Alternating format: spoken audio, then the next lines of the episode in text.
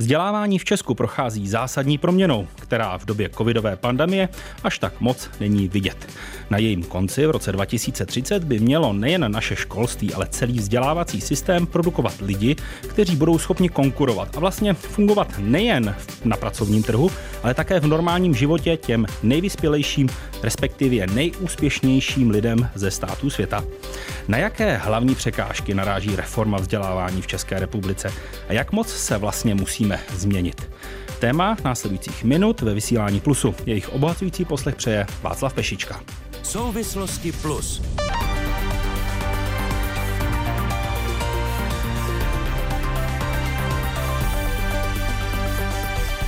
Naším cílem je popsat hloubku chystané změny, která není jen o změně způsobu výuky ve škole nebo vzdělávacího systému, ale především o změně v přístupu k české společnosti ke vzdělání.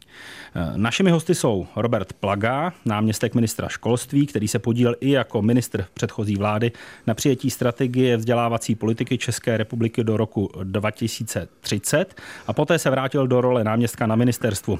Robert Plaga také učil na vysoké škole a byl ředitelem Centra pro transfer technologií Mendelovy univerzity v Brně. Dobrý den. Dobrý den. Eh, vedle něj sedí vědecký pracovník Sociologického ústavu Akademie věd Tomáš Kostelecký, který tento ústav v minulosti také vedl. Během své odborné kariéry působil na univerzitách v USA, Japonsku nebo i ve Francii. Byl ředitelem pro výzkum v české pobočce The Gallup Organization. Ve svém výzkumu se zajímá mimo jiné o sociálně prostorové nerovnosti, tedy regionální rozdíly a i tady začínají sociální nerovnosti právě v dimenzi vzdělávání. Dobrý den, vítejte také ve studiu. Dobrý den den, děkuji za pozvání. Do našeho přenosového vozu pak zdravím Daniela Minicha, ekonoma, který působí na CERGEI, kde se podílí i na ve vedení think tanku IDEA. Zabývá se výzkumem především v oblasti ekonomie trhu práce a vzdělávání. Své zkušenosti poskytl i českým politikům v poradním orgánu vlády, takzvaném NERVu, ale také jako externí ekonomický poradce spolupracoval na řadě projektů se Světovou bankou, Mezinárodním měnovým fondem, OECD nebo Evropskou unii. Dobrý den a doufám, že se dobře slyšíme. Dobrý den, zdravím vás i posluchače. A po Skypeu zdravím Dalibora Kačmáře, ředitele pro technologické standardy v české pobočce amerického technologického gigantu Microsoftu. Dalibor Kačmář je zakladatelem iniciativy Partneři ve vzdělávání, působil v divizi vývoje jako akademický evangelista a poté jako specialista na platformní strategie. Předtím, než přišel do společnosti Microsoft, vyučoval informatiku na mnoha univerzitách v České republice, ale také ve Spojených státech a ve Finsku. I vám dobrý den. Dobrý den a děkuji za pozvání. Cílem celé reformy je eh, změnit Českou republiku tak, aby byla více konkurenceschopná. Vy všichni máte zkušenosti s celou řadou vzdělávacích systémů ve vyspělém světě. Eh, prosím na úvod stručně, který by byl vhodný pro Českou republiku, která má svůj tradiční konzervativní systém, má konzervativní rodiče, učitele, školy, ale konec konců i zaměstnavatele. Pane náměstku Plago. Ta odpověď eh, není jednoduchá, by ta otázka jednoduchá vypadá. Nelze vzít eh, jakýkoliv systém ze světa, transformovat ho přímo eh, do České republiky, ale dá se někde inspirovat. Co se týká třeba středního článku řízení, tak vás možná překvapím, ale inspirace Kanadou je velmi dobrá. To znamená ta podpora těm školám z té větší blízky než z centra, tak eh, nejsou to jenom skandinávské země, které se očekává, že každý řekne, ale je to třeba i Kanada. A samozřejmě pokud bychom se bavili, a to možná eh, je středobod nějaké debaty o terciálním vzdělávání, tak eh, ta debata je jednoduchá, jestli ten náš systém nezměnit nebo nedat tam prvky toho anglosaského, což samozřejmě by ty stojaté české vody rozbouřilo, ale možná by to bylo ku prospěchu, ale k tomu se asi dostaneme. To znamená, ptáte-li se na jednu zemi, jejíž vzdělávací systém bychom měli převzít, tak to není, ale měli bychom si vzít příklady dobré praxe ze severských zemí, měli bychom se podívat uh, i do pobalských zemí, kde uh, ten progres je velmi velký teďka a zároveň pro mě inspirativní je třeba Kanada, respektive některé provincie. A pro Daniela Minicha jsou inspirativní které vzdělávací systémy, v kterých zemích? Já bych to řekl úplně stejně, jako to řekl eh, Robert Plaga, že od té naší vlastní historie vzdělávacího systému a tradice, jak jste řekl, se prostě nelze, nelze odříznout, lze se inspirovat. Ale jestli můžu dodat jednu věc ještě navíc, že my musíme mnohem lépe pochopit, co se v našem vzdělávacím systému děje, eh, co nefunguje a když nefunguje, tak proč to nefunguje. To znamená mnohem více se věnovat analýzám, sběru dat a vyhodnocováním, aby jsme jak si mohli ty specifické věci, které teď chceme dělat, implementovat správně. Tomáši Kostelecký, vy jako sociolog, když se podíváte na českou společnost, jaký systém vzdělávací by byla ochotná poměrně rychle přijmout, protože ten čas na reformu, který vypadá jako jedna dekáda, deset let, se zdá v celku dlouhý, ale když se podíváme na ty jednotlivé kroky, tak máme každý rok co dělat a ty změny a to jejich přijetí, na to je poměrně krátký čas. Já si myslím, že jakákoliv změna a zásadní změna nějakého vzdělávacího systému bude logicky narážet na nějaký odpor, protože obecně všichni chodili do školy a všichni mají nějakou představu, jak to vypadá a ti, co prošli nějakým systémem, vlastně většinou neznají žádný jiný, tak si nedokáží představit ani nic jiného, než sami sami zažili. Nicméně myslím si, že změny samozřejmě potřeba jsou. Souhlasil bych velice s předřečníky, že nelze tady se, tohle není technika, my nemůžeme okopírovat nějaké technologické řešení, které by dobře fungovalo na Tajvanu, jako v Kanadě, jako ve Švýcarsku. To je věc, která je taková interakce nějakého systému s kulturou a se zvyklostmi. Takže já bych se inspiroval především u zemí, které jsou úspěšné a z těch úspěšných zvláště bych se díval na to, které nám nejsou tak kulturně vzdálené. To by potom bylo snažší přijetí veřejnosti, když by neměli pocit, že jde o nějaký převrat a totální změnu všeho, ale bylo to něco, co je pro ně představitelné, ta změna. O našem školství se často říká, nebo učitelí, že učí jako za doby eh, Rakouska-Uherska. Je tedy Rakousko a Německo pro nás eh, v něčem inspirací, pane náměstku Plago? No, tak jak jste to řekl, tak eh, je to klasická šablona, kterou slýchávám, protože my máme 180 tisíc učitelů a ano, určitě je tam skupina, to je nepochybné, která učí klasickými starými metodami, protože to má pejorativní přídech, jo, to učit jako v Rakousku, Uhersku.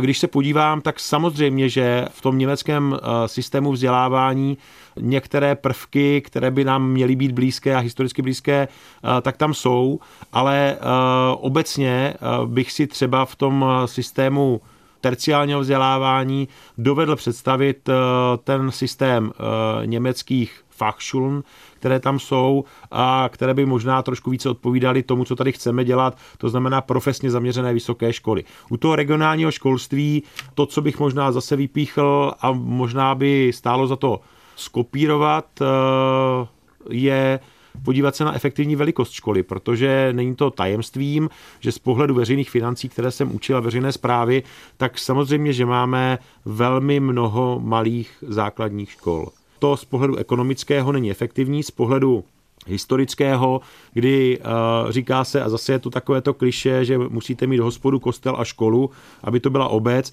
tak je to něco, co si starosta drží, nechce to sdílet, to znamená ani pokud se bavíme o tom, že by se svazkovalo, tak uh, k tomu byť jsou motivováni starostové ekonomicky, tak to častokrát nedělají právě proto, že by se řeklo, že ta škola u nich není plnohodnotná, takže to způsobuje určitou neefektivitu v tom systému, ale nejenom ekonomickou, ale třeba i tu neefektivitu personální, protože samozřejmě nemáte tam zastupitelnost a ta kvalita školy je někde horší. A když jsem říkal, inspirujeme se Rakouskem, tak to Rakousko, ale tam je to dáno tím, že jsou tam hodně ty údolí, tak samozřejmě mnohem víc ty žáky sváží eh, do nějakých eh, soustředěných míst, kde ta škola je větší kapacitně a má také lepší personální obsazení. Tak a teď se od minulosti podíváme spíše směrem k budoucnosti a to k moderním technologiím.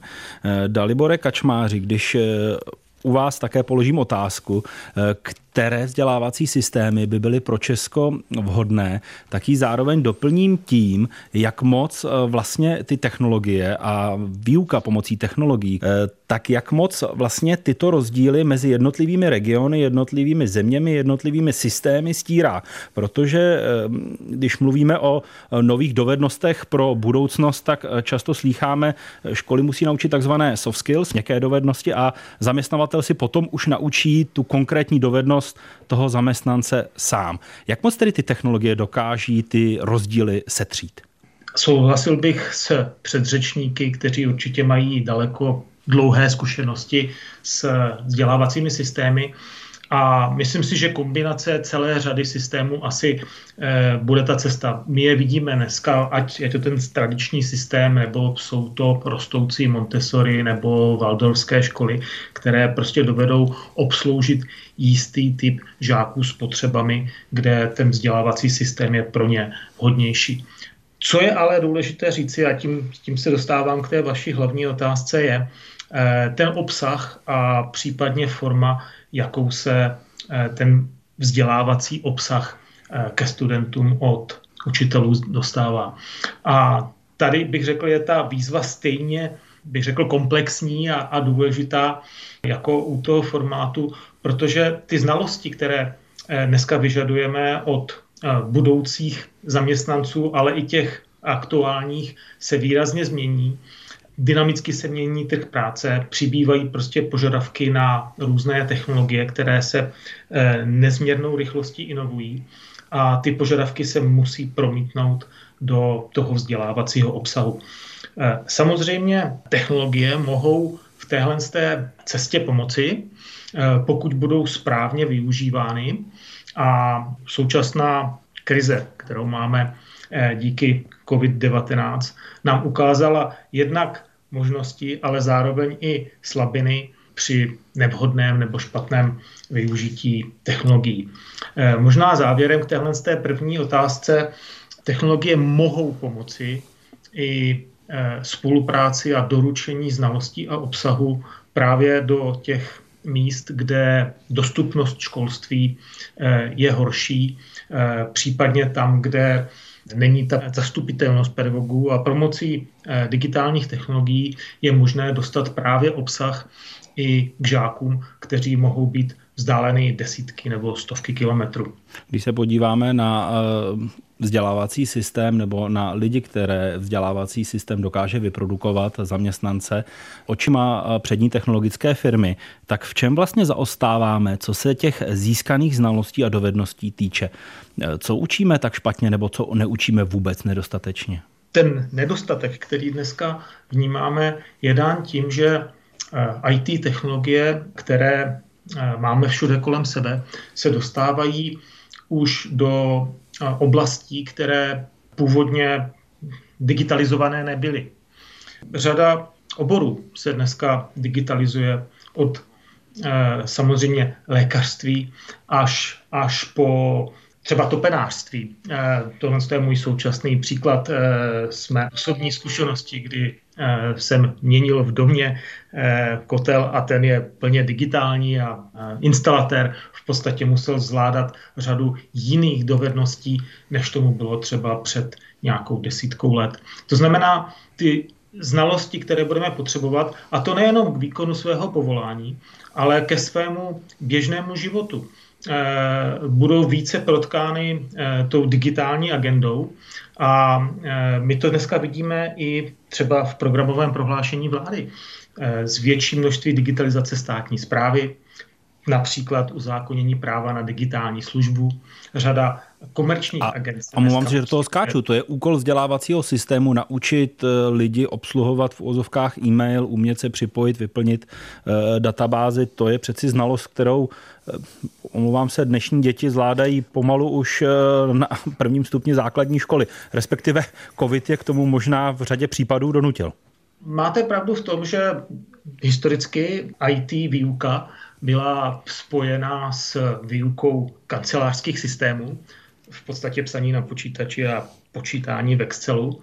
Nicméně ty znalosti a dovednosti, které potřebujeme, eh, se výrazně rozšiřují a není to jenom o kancelářském systému, je to o eh, daleko širší bázi znalostí, kterou potřebujeme jak právě k tomu osobnímu životu, eh, komunikaci s úřady, komunikaci se zaměstnavatelem, výkonu své práce, až po například digitální peněženky, nakupování různého zboží a tak dále. A vidíme, jakým způsobem pořád společnost obecně trpí jistými nedostatky.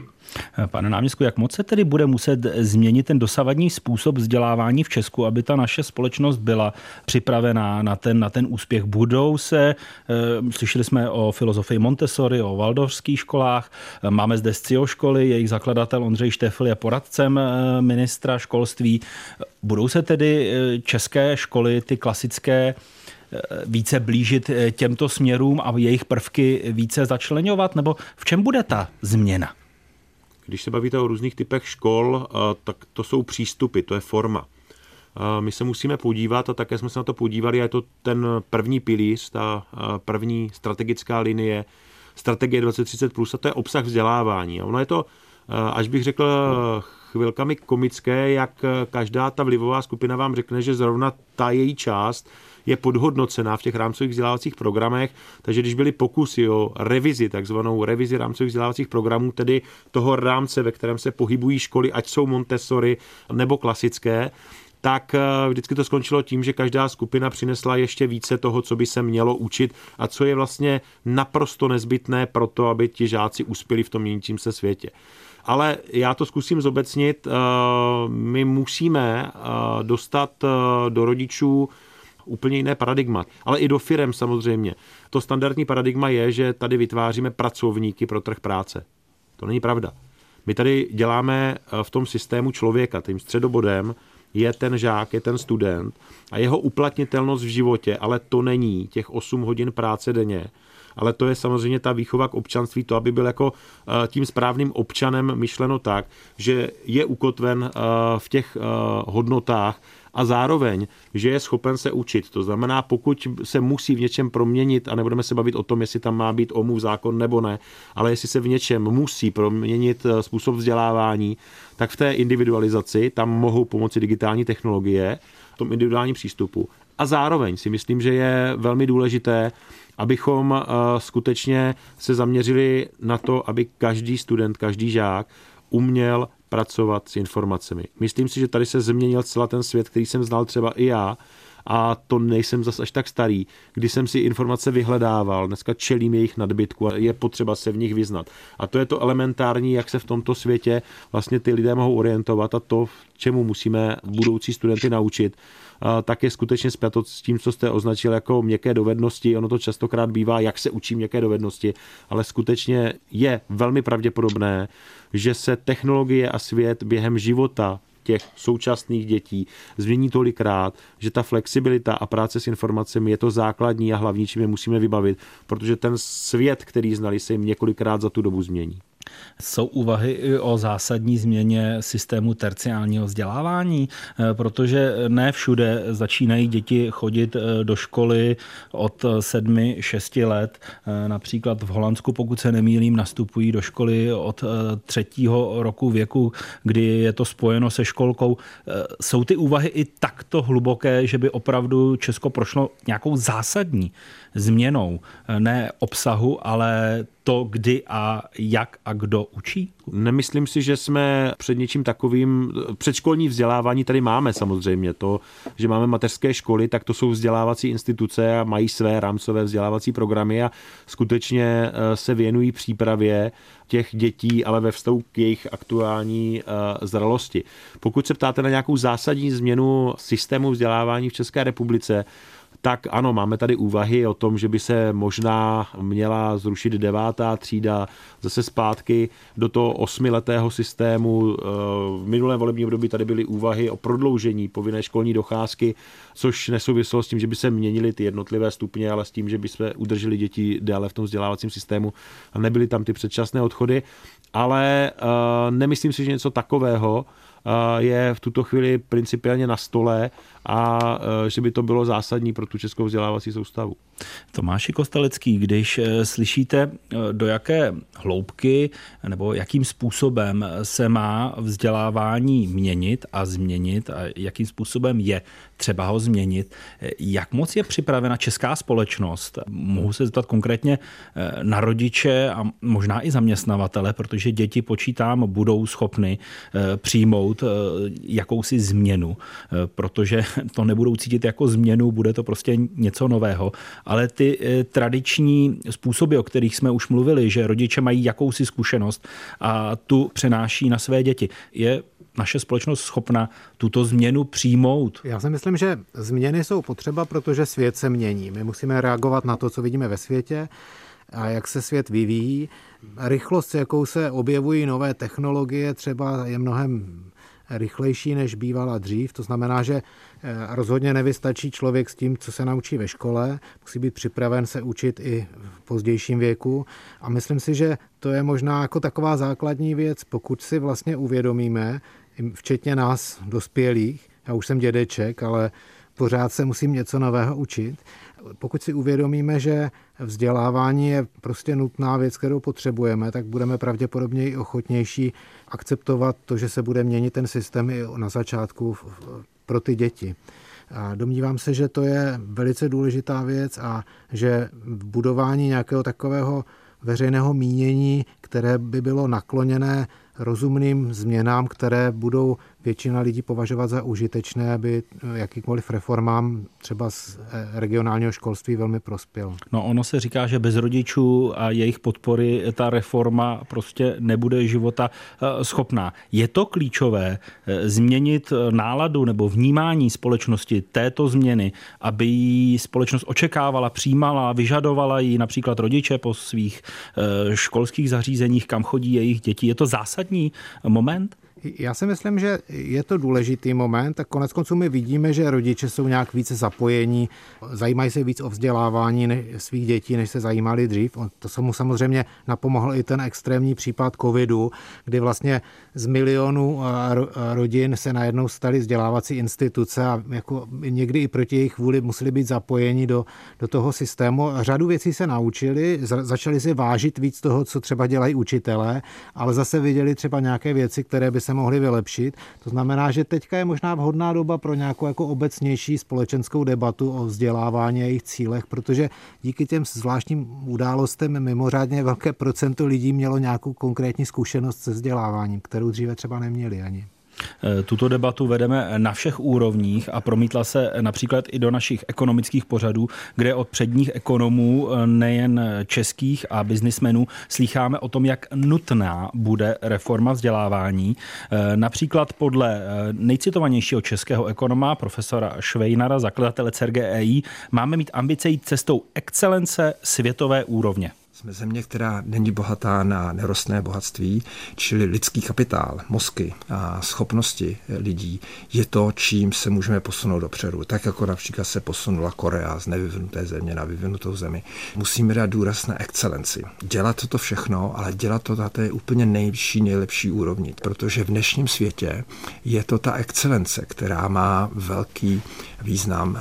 Je to takový ten model, že vítěz bere všechno nebo skoro všechno, že se nevyplatí být průměrný, takže dělat průměrný výzkum nebo něco takového vlastně nemá velkou hodnotu. Čili dát důraz na tu excelenci a opravdu ty prostředky dát na místa, instituce, které opravdu toto zdůrazňují. Ty nejlepší týmy vědecké, nejlepší výzkumné týmy, těm dát prostě prostředky a opravdu je posunout a dát jim ten stimul, aby nám všem pomohli. Radí ekonom Jan Švejnár. Pane Minichu, počítám, že budete souhlasit tak eh, souhlasit budu, ale to už se dostáváme na tu úroveň eh, hlavně vysokoškolského vzdělání a, a výzkumu. Já bych ještě měl dvě poznámky k tomu regionálnímu školství od těch mateřských škol až po ty střední, střední školy. Eh, Tím se dostaneme, protože vlastně... tam, pokud se nepletu, tak z jedním z hlavních cílů je odstraňování nerovností a moje následná otázka by byla, pokud budeme podporovat excelenci, tak jak se podaří odstranit ony nerovnosti? Nebudeme spíš ty nerovnosti zvyšovat, když budeme podporovat, dejme tomu, excelentní kvalitní základní školy, střední školy eh, nejvíce? Já se domnívám, že profesor Švěnar měl na mysli především vysoké školství, excelenci na vysokých školách, eh, kde máme nějaký takový hodně široký průměr, ty školy jsou si hodně podobné, všechny chtějí být univerzity, žádná nemá na tu světovou ligu, žádná není extrémně špatná. Eh, myslím, že měl na mysli právě vybudování těch špičkových pracovišť a teď nevím, jestli uvnitř vysokých škol nebo ze samotných některých těch vysokých škol, což v tom systému současném, jak eh, vnitřního vnějšího řízení a financování je v podstatě nemožné. Takže pozor, na té úrovni základních škol určitě musíme hovořit o excelenci velice opatrně prostě tam by to samozřejmě mohlo sklouznout k tomu, co jste říkal, prostě vzdělání kvalitní jenom pro někoho. Tam spíše je to problém, jak eh, umět eh, využívat talenty specificky nadaných dětí. A e, jakým způsobem e, by se tedy mělo onen přístup na těch základních a středních školách změnit, aby k vám na vysoké školy chodili správně připravení e, studenti, kteří budou moci svoji excelenci prokázat například v nějakých inovacích? Co od nich očekáváte? tak určitě by to nemělo být tak, jak to často bohužel dneska je, že ty přijímací zkoušky vlastně už se částečně ptají na to, co by se děti nebo žáci potom studenti měli naučit na té vysoké škole. A myslím, že to je o potřebě rozšířit eh, okruh eh, nikoli znalostí faktografických, ale těch intelektuálních dovedností, těch širokých, nikoli v úzkých. Máme relativně dobrý, solidní eh, segment středních odborných škol, ale to vzdělání je stále úzké. Vlastně člověk, když jde v 15 na střední školu, tak je víceméně předurčena ta jeho odborná trajektorie až na tu vysokou, protože prostě, když jde na stavební průmyslovku, tak už potom těžko půjde na jakoukoliv jinou vysokou školu než stavební. Tam je potřeba to také nějakým způsobem více rozkročit, protože ten svět dneska propoje obory, ty nejlepší věci, nejexcelentnější věci vlastně vznikají propojení oborů a nejlepší úplně, když ten člověk je schopen vládat několik oborů najednou, které si vybere postupně během průchodu vzdělávací soustavou. Pane náměstku, jak jde dohromady s tím, když teď slyšíme, že rámcové vzdělávací plány se mají například provzdušnit, eh, aby se děti právě neučily eh, příliš eh, zbytečných faktografických věcí. Když na druhé straně slyšíme, že pokud si někdo vybere střední odbornou školu, tak má předurčený ten směr a vlastně ve 14 letech si zvolí svůj život. Ono to všechno začíná v rámci této debaty zapadat. Vy jste se ptali, jak se má změnit česká vzdělávací soustava z pohledu těch vstupňů. Já jsem říkal, že nijak, ale to, co jsem nevypíchnul a vlastně to nakousnul Daniel Milich teďka, tak je to, co by možná stálo za odstranění, ale je zase diskutabilní, co se týká rodičů, a to je předčasná selekce.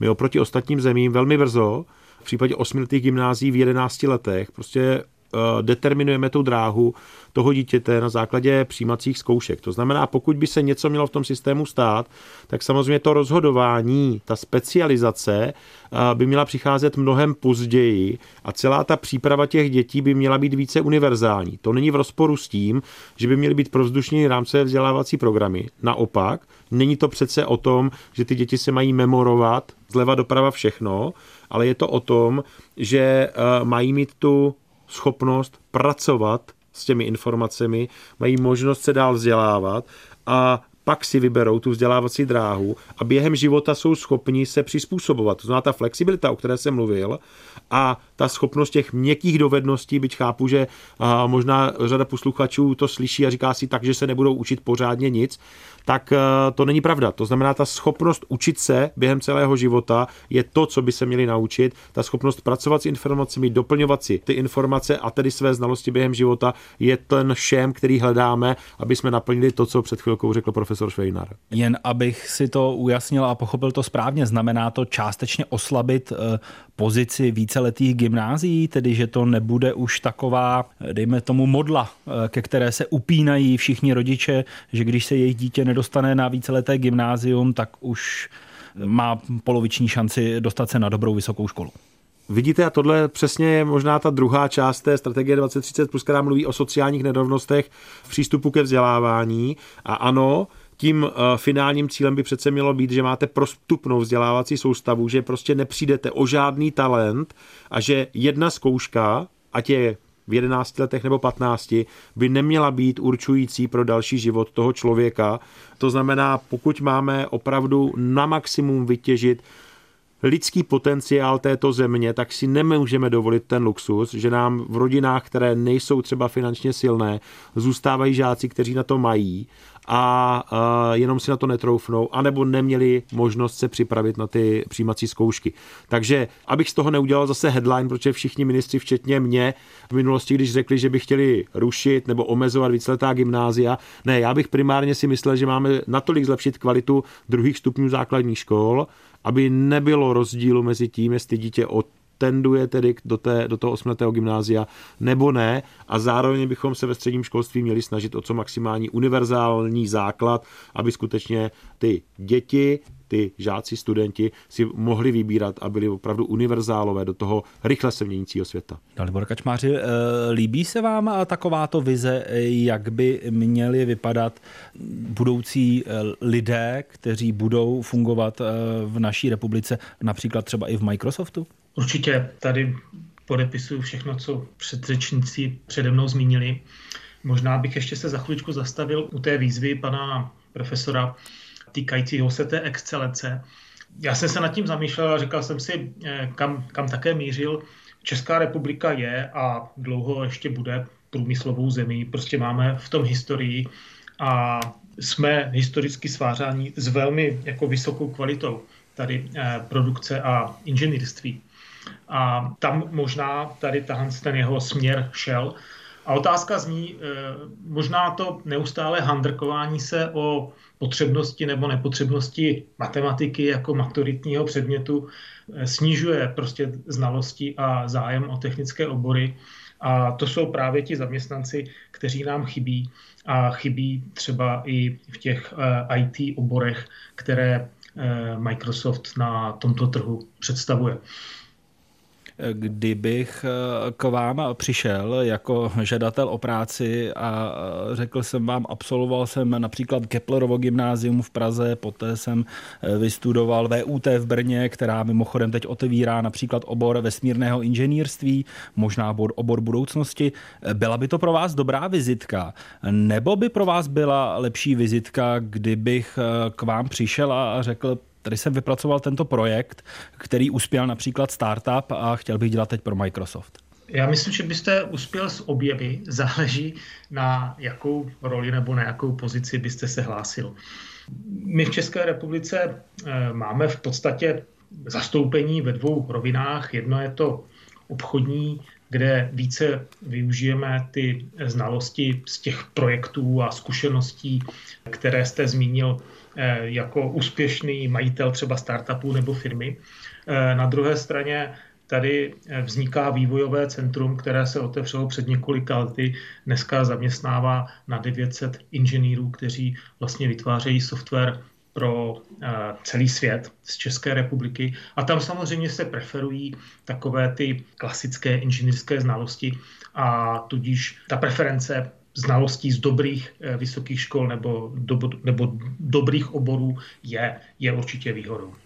Pane Kostelecký, eh, když eh, uzavřeme tento blok vaším pohledem, jako pohledem sociologa, někde jsem četl, že české školství vychovává pasivní lidi, kteří neumí prohrát a jakékoliv selhání, například u testů, u přijímacích zkoušek, je, je pro ně osudové a poté vlastně to brzdí jejich schopnost mm, inovace a vyvíjet, protože se bojí toho, že sklamou. Je to zásadní problém české společnosti, že neumíme prohrávat tak například jako v Americe, když firma zkrachuje, většinou ti lidé řeknou, jedna zkrachovala, založím druhou, funguju dál a například se vrátí zpátky. Já si myslím, že jste narazil na velice důležitou věc a to je vlastně jedna z těch měkkých dovedností, o kterých se tady bavíme určitá představa, mít nějaké vize, zkoušet věci, které jsou nové a nevyzkoušené, nebát se riskovat, to nejsou věci, které jsou úplně automatické. To v některých společnostech jste k tomu povzbuzováni, v některých společnostech jste od toho odrazováni a rozhodně to školství by mělo spíš přispívat tomu, abychom byli odvážní a nebáli se případných neúspěchů.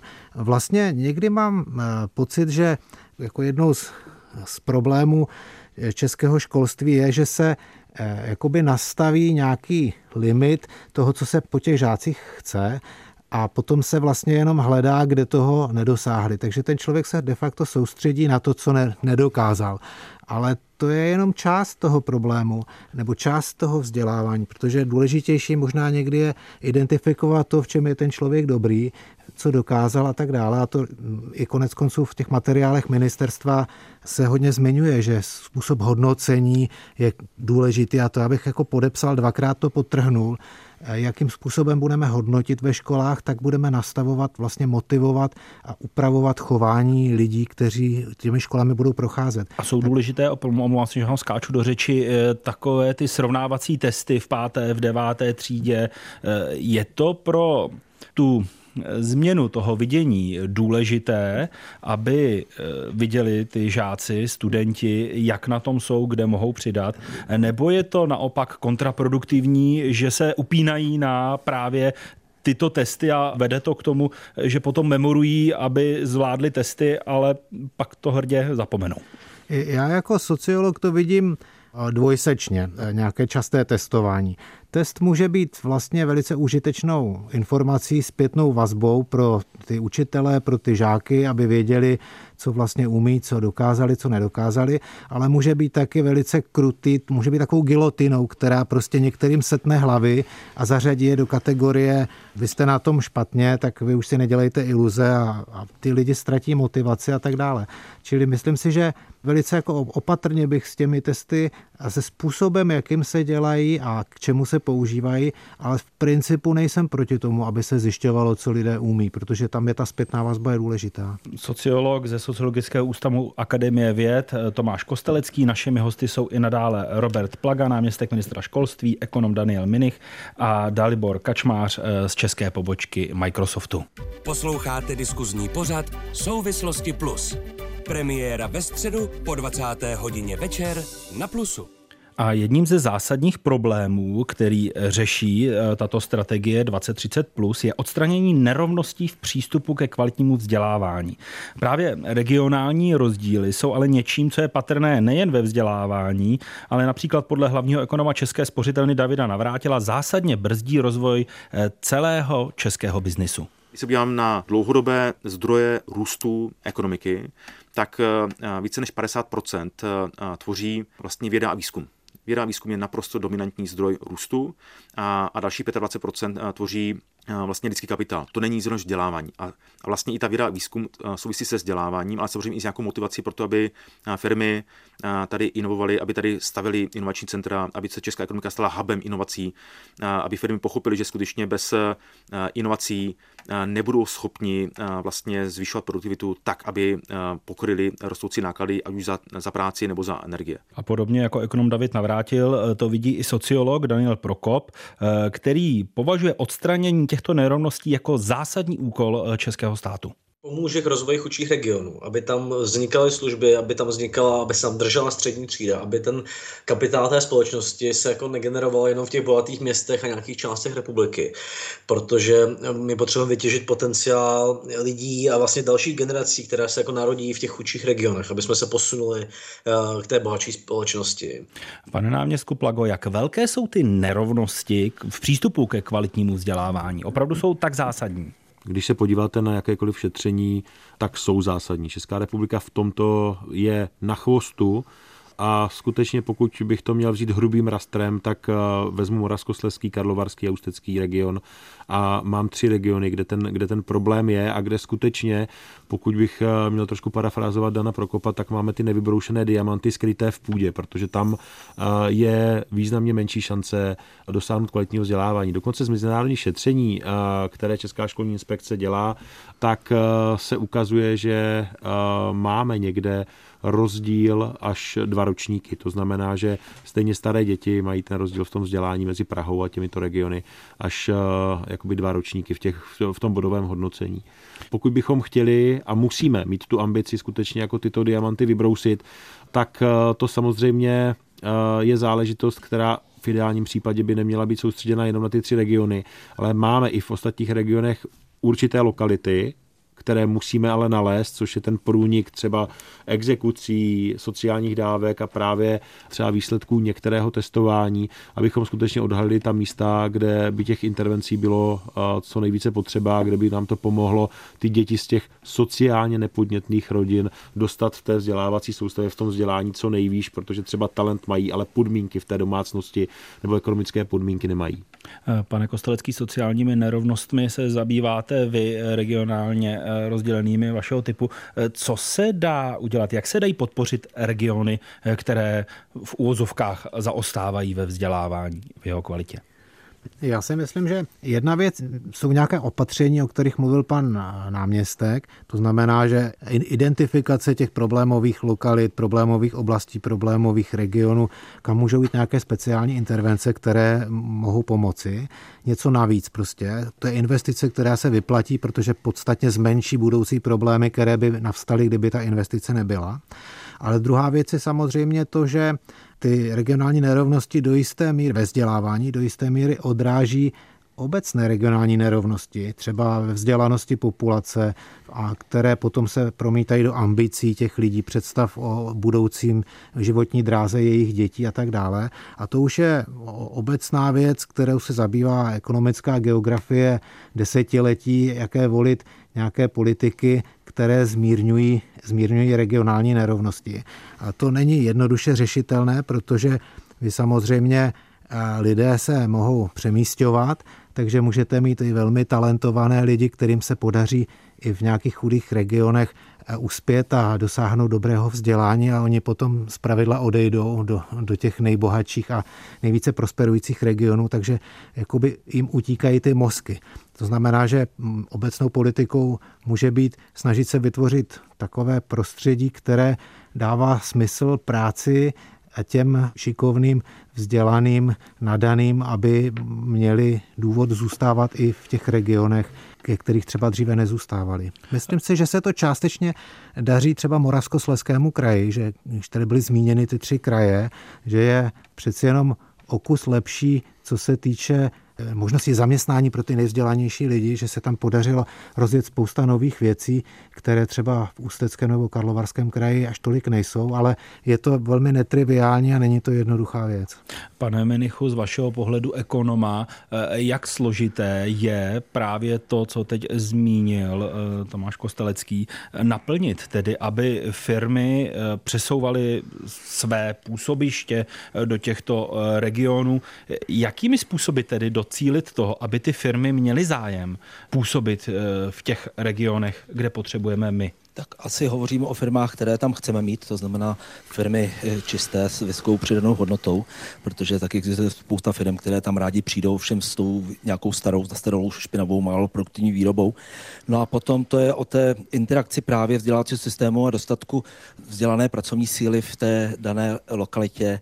Eh, já jsem přesvědčen, že z toho dlouhodobějšího pohledu je to právě ta dostupnost vzdělané pracovní síly, která nakonec přitáhne i ty firmy, inovativní a produktivní firmy. Měl by to eh, zaplatit stát, protože pokud se nepletu, tak podle eh, vaší studie, eh, kterou jste zveřejnili, tak středoškolák, když skončí v roce 2020, tak za svůj život odvede státu 4 miliony, zatímco člověk se základním vzděláním pouze 1,4 milionu. Vyplatí se státu investovat teď masivně do toho, aby změnil to myšlenkové, to vidění eh, v tom regionu, že se skutečně vyplatí tam eh, postavit eh, firmu, umístit ji tam, že se vyplatí zaplatit dobře lidi a ten region celý zbohatne a tím zbohatneme všichni. Vyplatí se to státu? Vyplatí se to, ale není to vůbec jednoduché, protože tam musí být součinnost spousta věcí, musí to být důvěryhodné a dlouhodobé je těžko jako radit vzdělávacím systému změny a na druhé straně nedělat další doprovodná opatření. Mm, jaká máte na mysli? No, tím myslím třeba průmyslovou politiku, eh, nějakou podporu investic, eh, zjednodušení příchodu cizích firm eh, do regionu a tak dále. Jo, který se netýkají přímo toho vzdělávacího systému jako takového, které jdou vlastně přes jiné ministerstvo, sladit ty, tyhle ty agendy dohromady, aby ty věci ladily. Pane Kačmáři, mluvili jsme o tom, že Česká republika je průmyslovou zemí. Eh, když zase využiju vaší zkušenosti dlouholeté z Microsoftu, umístil by například Microsoft do Karlovarského kraje nebo Ústeckého kraje nějakou svou eh, zásadní eh, kancelář, pobočku? Microsoft má celosvětově strategii povětšinou jedné pobočky v zemi, nicméně vlastně my budujeme celý jako partnerský ekosystém, který je Eh, výrazně větší nebo násobně větší eh, než, než samotné zastoupení eh, Microsoftu v dané zemi. To stejné platí pro Českou republiku. To znamená, pro nás jsou to investice a spolupráce vlastně s těmi lokálními firmami, lokálními zaměstnavateli, lokálními dodavateli, kteří vlastně jsou takovou protaženou rukou Microsoftu do každé ho regionu do každé části eh, České, České republiky. Eh, možná bych se ještě vkrátce vrátil k té předchozí eh, diskuzi týkající se jako pomoci těm vyloučeným lokalitám nebo, nebo oslabeným regionům. Toto je věc, která samozřejmě nás jako firmu globálně trápí, nejenom v kontextu České republiky, ale vidíme ty rozdíly v tom vzdělání po celém světě.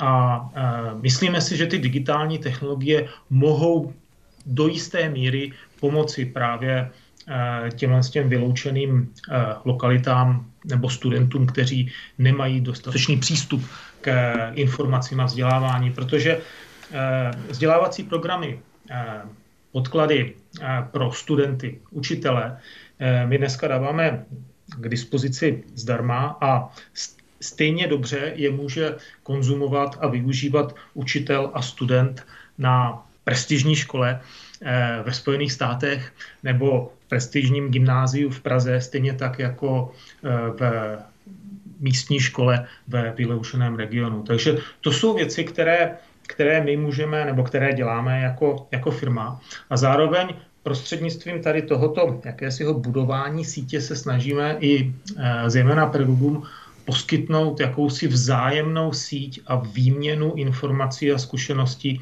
které ani my eh, jako technologická firma v oblasti vzdělávání nemůžeme suplovat nebo, nebo nabízet, ale, ale ti naši vlastně spolupracující učitelé eh, a studenti naopak mohou. Takže to je způsob, jakým vlastně tu kvalitu eh, dostat až eh, do těch nejvzdálenějších nebo, nebo, nebo podfinancovaných částí světa nebo, nebo země. Pane náměstku, eh, jak výraznou roli v oné transformaci českého vzdělávacího systému hrají právě technologie? Bude ona onlineizace, kterou jsme teď eh, prošli za ty poslední dva roky, něčím, co opravdu pomůže narovnat tyto příkopy? Já Protože, si... jenom omlouvám se, teď eh, můžeme slyšet i podle výsledků eh, studentů, kteří teď rok a půl byli na onlineu, že ta výuka není tak eh, kvalitní, že ty znalosti nejsou tak hluboké, jak by měly být. Já si velmi dobře pamatuji uh, jaro 2020, kdy uh, přišel ten první lockdown a uh, v podstatě byly ty hlasy, že standardní prezenční vzdělávání je mrtvé, že se ukazuje, že distanční vzdělávání ho plně nahradí. Myslím, že velmi rychle bylo vidět po těch dvou měsících, eh, že ta socializace a to potkávání se na té prezenční výuce je nesmírně důležité. To znamená, jestli něco hledáme, tak nehledáme to, že by distanční výuka nám eh, byla všelékem. Na druhou stranu je potřeba říct, to, co jste zmiňoval, je různá kvalita. I po těch dvou letech je stále ještě přes intervence do, do počítačového vybavení, do uh, webinářů a vzdělávání učitelů ve využívání těch technologií, tak je stále ještě rozdíl mezi školami, mezi regiony i v té distanční výuce. Takže tak, jako máme rozdíl mezi školami v prezenční výuce i v distanční výuce, takže tím vám odpovídám na to, že v této chvíli plošná distanční výuka nebo využití digitálních technologií, na které jste se ptal, nebude všelékem.